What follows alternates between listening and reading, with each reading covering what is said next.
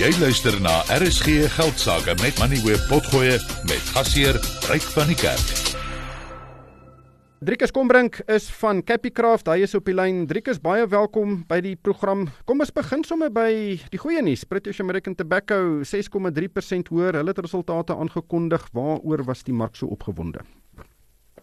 Ja, uh, ryk nie noodwendig oor die omset nie, maar die omset is af. Uh nou hulle gebruik 'n aanpasbare syfer as jy al die wisselkoerskommelinge uitwerk en die verskeie ontlikeende markte waar hulle is, as jy met ander woorde dit konstant hou, dan sê hulle omset het gegroei. So dis 'n groeiing vir 'n mark wat basies geprys word vir stagnasie. Nee, daai aandeel word geprys as asof uh wins nooit weer gaan groei nie. So as hulle omset groei is dit definitief 'n positiewe, maar die mark het paar jaar want dit lyk vir die eerste keer asof die nuwe kategorieë die sogenaamde non-combustibles die uh die wat nie brand nie die stokkies wat nie brand nie regtig brand nie uh se se is nou winsgewend vir die eerste keer in 2023 hulle het 'n 400 miljoen dollar bydrae gemaak tot die wins tot tot winsstygings in totaal in 2023 en dit beteken nou vir die eerste keer uh beteken die nuwe besighede die non-combustibles die groei vinniger as wat die tradisionele uh tabakbesighede daal. So 'n baie positiewe kom ons met my infleksiepunt daar in die besigheid en die mark wat baie daarvan hou. Dan het verskeie van die myngroepe uh handelsverklaringe uitgereik en hulle reik hierdie handelsverklaringe net uitvoer net voordat hulle hulle resultate bekend maak so hulle waarsku die marke bietjie oor wat kan gebeur as die resultate nou gepubliseer word. Hulle probeer daardeur 'n verrassing vir my, hoewel hierdie handelsverklaring soms ook 'n groot verrassing is, soos vandag. Anglo American Platinum verwag dat sy voljaar winste met soveel as 77% kan val en uh, Impala Platinum uh, verwag dat sy verdienste of sy winste met tot 80% kan val. En uh, dis seker een van die redes hoekom die hulpbron sektor vandag so seer gekry het. Ja, dit reik en dit kom op 'n dag wat die platinum prys besluit het om amper met dubbel syfers te val, nee, met amper 10% te val. So nie 'n goeie dag nie. Ehm um, en derde ding wat gebeur het, China het weer baie swak PPI en CPI syfers vandag gepubliseer. Dit sê net daar is nie genoeg vraag in daai ekonomie om die oortollige kapasiteit te absorbeer nie en uh daar is baie ehm um, baie ernstige rooi vlae of kommerpunte rondom China. Dit is natuurlik een van die wêreld se grootste ehm um, marginale ehm um, verbruikers van kommoditeite en 'n China slegte dag het ek sien die MSCI China indeks is 1% vanoggend amper afgewees. As hulle slegte dag het, dan kan ons ook nie verwag dat ons hulpbronne van opwees nie. So sommer drie goed gelyk wat vandag die hulpbronsektor op ons beurs tref. Ja, dit kan 'n groot impak hê want uh, natuurlik meeste van ons minerale word soontoe uitgevoer. Uh en uh ja, die die platinumprys, ek sien hier op my skerm 10,1% af. Uh 'n wesenlike daling. Ja daar. Dan MultiChoice, ons praat eintlik al die hele week oor MultiChoice. Ons gaan nie oor hulle moontlike transaksie praat nie, maar hulle het belastingprobleme in Nigerië gehad. Uh die uh so die verlede jaar het uh, die belastingowerhede daar gesê MultiChoice skuld hulle 4,4 miljard dollar se belasting. Hulle het nou om 'n tafel gaan sit en nou gaan MultiChoice net 37 miljoen dollar betaal wat dan baie baie minder is uh, en en weer eens dit wys net hoe wispelturig kan regulatoriese owerhede op die vasteland wees.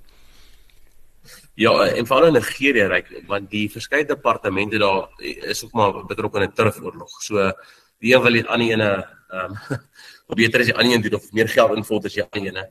So daar's 'n bietjie van 'n turfoorlog daarso en uh gelukkig is daar 'n bietjie rasionaliteit op die einde van die dag. En is ook deel van hulle taktiek, noem dit nou maar taktiek. Ehm um, voel baie keer asof hulle net probeer afpers, maar is om 'n baie groot bedrag te eis en dan die, uh, vinnig die buitelandse maatskappy om die tafel te kry en dan soos groot mense te gesels. So baie goed om te sien, natuurlik goed ook vir MTN aandeelhouers. Uh MTN se aandeleprys wat ek geweldig onder druk is vir verskeie ander redes, maar een van hulle is hulle belasting in Nigerië en moontlike daar's weer moontlik sprake van moontlike boetes wat ook oor daai besigheid hang. Ehm um, dit sal 'n dit sal 'n bietjie ligpunt wees vir aandeelhouers in MTN ook.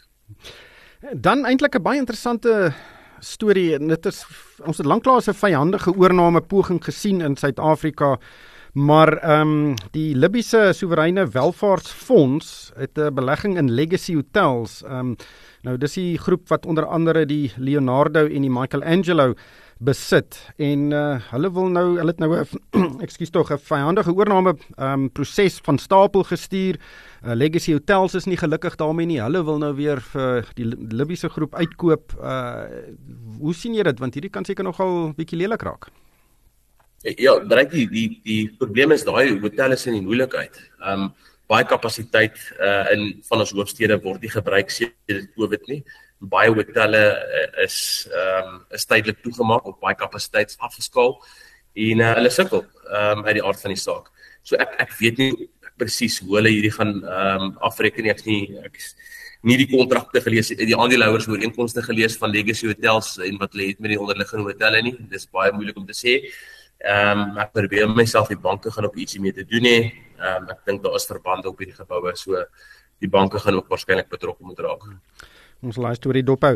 En dan laastens vervaardigingssyfers uh, vir verlede jaar is uitgereik en dit het eintlik die oë laat trek en ongelukkig in 'n negatiewe konteks. Ja, dis dis nog 'n slegting vandag. Vervaardigingssyfers is af maand op maand gewees, uh, Desember tot op uh, op November maand maar net 0.7% op jaar op jaar terwyl ons 'n syfer van 2.5% verwag het.